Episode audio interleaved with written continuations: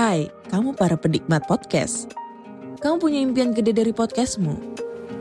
Terus First Story bisa banget bantu kamu. Mulai dari F-Link, Dynamic Audio Insertion, sampai statistik yang komprehensif. Semua ada di First Story. Gak ketinggalan kamu bisa monetisasi podcastmu lewat iklan dari First Story Ads yang bisa kasih kamu penghasilan dari setiap place podcastmu. Yuk gabung sekarang dengan klik di firststory.me. Sekali lagi, klik di firststory.me. Mari kita bawa mimpi podcastingmu menjadi kenyataan.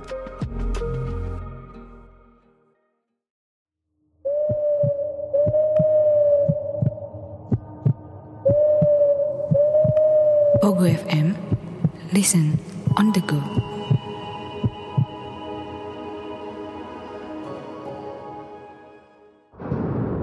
Hai, saya Chow Sing Sing. Selamat datang di podcast Horror Night Story.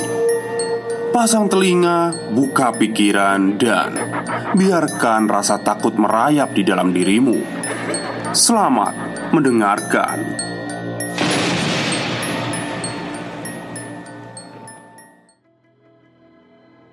Assalamualaikum warahmatullahi wabarakatuh Halo semuanya Jumpa lagi dengan saya Chow Sing Sing Kurator dari podcast Horror Night Story. Halo apa kabar semuanya? Semoga kalian semua sehat-sehat ya. Dan seperti biasanya pada siang hari ini saya kembali dan akan menghadirkan sebuah kisah mistis untuk kalian semua. Kisah mistis kali ini datang dari seorang teman yang berdomisili di daerah Mojokerto. Jadi Mojokerto itu sama Sidoarjo lumayan deket lah ya dari tempat saya. Dan kisah ini melibatkan sesuatu yang trending pada tahun ini ya.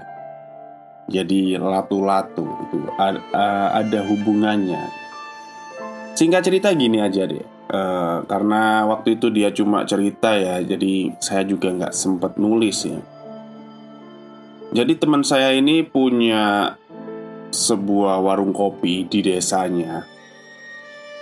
Kalau Mojokerto itu kan kalau masih pinggiran-pinggiran pelosok itu kan ini ya Masih apa ya uh, Desa banget lah ya. Jadi belum tersentuh kayak kota-kota gitu. Jadi ada warung kopi di situ milik teman saya. Dan kebetulan di desanya juga anak-anak kecil itu lagi trending memainkan yang namanya itu lato-lato. Jadi nggak pagi, nggak siang, sore, malam itu dia itu selalu mendengar suara tek tek tek tek gitu ya, suara dua bola dibentur-benturkan itu. Nah, suatu ketika ketika dia mau tutup warung sekitar jam 9 kalau nggak 10 ya. 10 malam kayaknya. 10 malam Waktu bersihin meja Dia nemuin latu-latu nih gitu. Ih ini latu-latunya siapa? Kok ada di meja gitu kan. Ya udahlah sama dia akhirnya dimasukin ke dalam warung. Terus ya udah dia pulang gitu kan mungkin pikirannya barangkali ada yang nyari kan besok bisa dikasihin gitu kan oke dia pulang dia pulang sampai di rumah sekitar dua jaman ya tiga jaman ya itu dia baru sadar Ternyata HP-nya ketinggalan di warung. Nah, balik lagi dong ke warungnya itu. Sampai sana ya kira-kira tengah malam lah ya, jam setengah satuan atau mungkin jam 12-an gitu ya. Balik sana ketika mau buka warungnya, ini kan warungnya sih kayak gimana ya? Posisinya warung ini di belakang itu sawah kiri kanan itu kayak tanah kosong gitu. Terus cuma disinari sama kalau kalian tahu zaman dulu itu lampu yang kuning itu bohlam lampu kuning cuma itu doang terasnya. Nah waktu sampai sana dari jarak sekitar 10 meteran lah dia tuh kayak ngedengar ada suara tek tek tek ya kayak bunyi latu-latu gitu dibentur-benturkan gitu kan. Nah dia kan celingukan dong. Siapa nih yang mainan latu-latu malam-malam gini tengah malam dilihat kanan kiri nggak ada gitu kan. Gelap gitu kan. Ya udahlah dia nerusin jalannya terus sampai ke warung.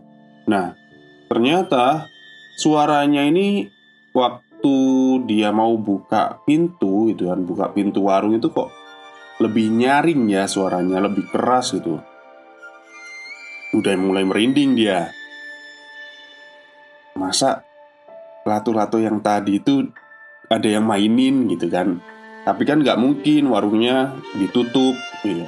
siapa yang masuk gitu ya udahlah Bismillah dia beraniin diri buat ngebuka pintu warungnya.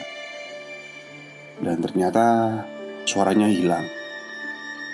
Nggak ada suara apa-apa.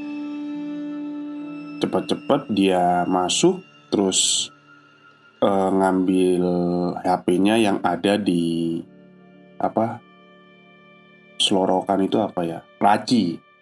Di laci itu tadi. Terus dia nggak sengaja lihat latu-latunya yang dia taruh di agak meja tapi meja ininya ya meja kasir ya tapi agak jauh gitu. Perasaannya perasaannya lo ya kok kayaknya posisinya berubah. Ya udahlah dia nggak mau mikir macem-macem udah ngambil HP ya udah dia tutup lacinya terus kunci pulang.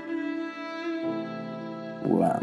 Setelah itu dia pulang baru nutup pintu gitu kan. Belum kunci nutup pintu ini dia ngedenger lagi. Ada yang mainin latu-latunya itu. Karena bodoh amat ya dia juga udah takut. Dikuncilah pintu itu terus ya udah dia ngeloyor pergi ke pulang ke rumahnya. Oke, sampai pada waktu sekitar jam setengah tujuh, tujuh pagi ya. Ini singkat cerita aja. Tujuh pagi dia udah buka warung lagi, terus latu-latunya tetap di sana. Ya seperti biasa ya rutinitasnya buatin orang-orang kopi kayak gitu kan orang yang yang mau ke sawah dibuatin kopi kayak gitu. Terus ada yang nyeletuk gini. Eh, denger gak? Anaknya Pak Bari kemarin itu meninggal. Loh, meninggal kenapa? Gitu kan obrolan ini. Katanya ketabrak truk. Loh, kok bisa? Iya, katanya si supir yang nabrak itu dia itu udah diteriakin tapi kayak nggak konsentrasi gitu kayak mainin sesuatu gitu. Katanya sih mainin yang itu loh yang katanya mainan baru tek tek tek itu loh. Oh latu latu nah, ketika mendengar hal itu kan teman saya ya katakanlah namanya Diko lah ya. Hah? kok ada kok baru tahu ada anak kecil meninggal gitu kan ya kayak merinding-merinding gimana. Terus dia mandangin tuh latu-latu jangan-jangan punyanya anak yang meninggal itu. Tapi kan dia ya udahlah tetap positif thinking. Nggak mungkin lah masa dia meninggal terus latu-latunya sampai sini gitu kan. Nah si dua orang ini ngobrol terus kan kayak ia meninggal gara-gara dia itu katanya meleng gitu loh mainin latu-latu nggak lihat kalau ada truk lewat terus ya udah ketabrak gitu. Nah karena si bapaknya ini bapaknya si Pak Bari ini kayak sayang kan sama anaknya itu. Kayak kecewa banget lah. Akhirnya itu mainan itu mainan katanya dibuang gitu kan. Terus kayak bener-bener marah lah ya kayak gimana ya dia itu marahnya itu kayak nggak logis gitu loh malah nyalain itu gara-gara mainan kayak gitu anaknya itu meninggal dunia ya yes, pokoknya aneh lah pokoknya oke mainannya dibuang tapi nggak tahu ke mana katanya dua orang ini ya si Bari ini kembali negatif thinking ya. Ah, masa bener sih ini mainan yang dipakai anaknya? Oke lah. Dia tetap mikir positif. Mungkin ini punyanya anak-anak yang lain gitu ya Lagi main terus ketinggalan di mejanya atau gimana gitu kan. Nah sampai sore tiba menjelang surup Warungnya udah sepi. Tapi kan dia tetap buka tuh sampai jam 10 malam 9 malam. Menjelang surup itu suara adzan itu terdengar. Tapi masih terang ya Belum terlalu belum petang gitu. Setelah suara adzan terdengar karena waktu itu dia si Diko ini sendirian di warung dia bikin kopi terus ngerokok lah di teras warungnya itu. Sambil ngeliatin sawah itu ya. Tiba-tiba dari belakang waktu dia nongkrong gitu kan waktu dia duduk ada yang kayak niup telinganya gitu otomatis dia kan langsung noleh ke belakang. Ternyata nggak ada apa-apa yang dilihat ya cuma ya udah etalasenya cuma rentengan kayak apa kopi-kopi kayak gitu kan. Ah cuma perasaan aja lah pikir teman saya waktu itu kan. Mungkin terlalu paranoid gara-gara cerita dua orang tadi terus ditambah kejadian yang semalam gitu kan. Terus dia mikir, ini kayaknya nggak tahu siapa yang punya lato-lato. Dia pingin ngebuang. Ya udah nanti aja dibuang. Setelah itu sampai jam 10 malam. Ini yang aneh. Biasanya habis maghrib warungnya si Diko ini pastilah ada orang yang ngopi, pelanggan lah, teman-teman atau gimana. Itu sepi banget, nggak ada orang sama sekali malam itu.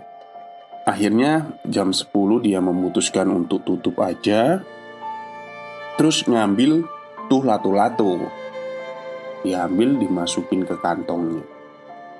Pas sampai di tengah perjalanan pulang ya Itu lato-lato dibuang ke sungai. Kebetulan waktu dia pulang ngelewatin sungai kan Dibuang ke sungai. Ya udahlah. Pikirnya waktu itu kan kayak ah masalah udah selesai gitu kan. Meskipun dia juga nggak yakin ini latu-latunya siapa Apa anaknya Pak Bari yang meninggal itu atau anak lain Bodoh amat lah ya. Singkat cerita kita kembali ke pagi hari lagi. Setengah tujuh dia udah di warung. Buka pintu warung ceklek. Dan apa yang dia lihat? Ternyata latu-latunya balik lagi di meja kasirnya Wah, shock dong. Pagi-pagi udah ditampakin kayak gitu ya. Akhirnya si Bari ini yakin ini pasti mainan ini dikutuk gitu loh. Kayak ya nggak tahu ya, pokoknya intinya ini pasti mainan ini punya anaknya Pak Bari yang meninggal itu. Karena dia takut, dibiarin aja, terus namanya siang kan ada banyak orang ngopi ya, ya kenal lah beberapa. Terus si Bari ini tanya ke orang-orang itu eh kok si Bari? Si Diko ya maksudnya ya? Si Diko ini tanya ke orang-orang itu gitu kan. Rumahnya Pak Bari itu daerah eh, di mana ya? Gitu kan sebelah mana? Gitu kan. Loh kenapa mas? Gitu kan. Enggak pak. Ini saya mau ngembaliin mainan anaknya yang ketinggalan Nah orang-orang kan kayak apa ya? Ya udah nggak ada yang aneh, cuma ngembaliin mainan doang gitu. Oh pernah ngopi di sini mas gitu kan? Ya pernah sih pak, tapi ya nggak sering gitu. Cuma beberapa kali aja, tapi kan saya juga nggak tahu rumahnya yang mana. Oke, Singkat cerita, dia sore itu sengaja tutup warung lebih awal ya Sebelum maghrib, jam 4 itu udah tutup terus Tapi langsung menuju rumahnya Pak Bari ini yang dikasih tahu orang dua orang ini Dua orang warga itu Ke sana terus ya udah di ditemuin lah sama Pak Bari terus ngobrol gitu. Terus di tengah obrolan si Diko ini teman saya ngeluarin latu-latu itu dari tasnya terus dikasih ke Pak Bari. Pak Bari kaget kan? Loh maksudnya apa mas? Ini mainannya anaknya bapak ya? Dilihat Ya mungkin ada ciri-ciri khususnya ya Saya nggak tahu Dia itu kayak tahu Iya ini mainan anak saya Kenapa masnya ambil gitu kan Duh saya bukan ngambil pak Ini tiga hari yang lalu dua hari uh, ya empat hari atau tiga hari yang lalu itu ada di depan warung saya di meja meja warung saya.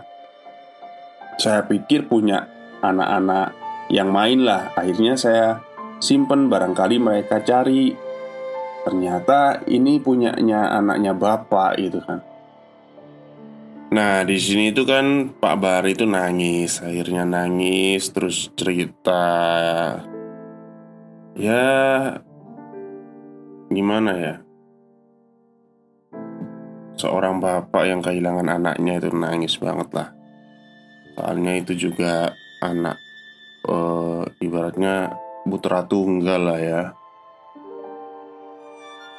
Tapi kalau takdir berkata lain ya mau gimana lagi ya nah singkat cerita kita ngobrol bla bla bla. Mananya udah tak kembaliin. Setelah itu ya udah. Diko pulang Diko pulang terus sampai rumah cuci kaki cuci tangan tidur nah di dalam di dalam tidur itu mimpi dia. Kayak ada anak kecil tapi uh, wajahnya nggak jelas sih. Kayak katanya itu kayak wajah uh, wajahnya itu kayak gimana sih? Bukan hancur ya. Kayak bercahaya tapi kayak gimana gitu. Nggak jelas gitu loh. Itu ngomong ke dia terima kasih. Ya itulah akhir cerita dari uh, misteri mainan latu-latu yang dialami oleh teman saya ya. Jadi ternyata saya nggak tahu juga apa hubungannya uh, lato-lato itu dengan si bapak itu tadi, si Pak Bari itu tadi. Oke, mungkin itu saja cerita dari saya pada siang hari ini. Semoga kalian suka. Selamat siang dan selamat beristirahat.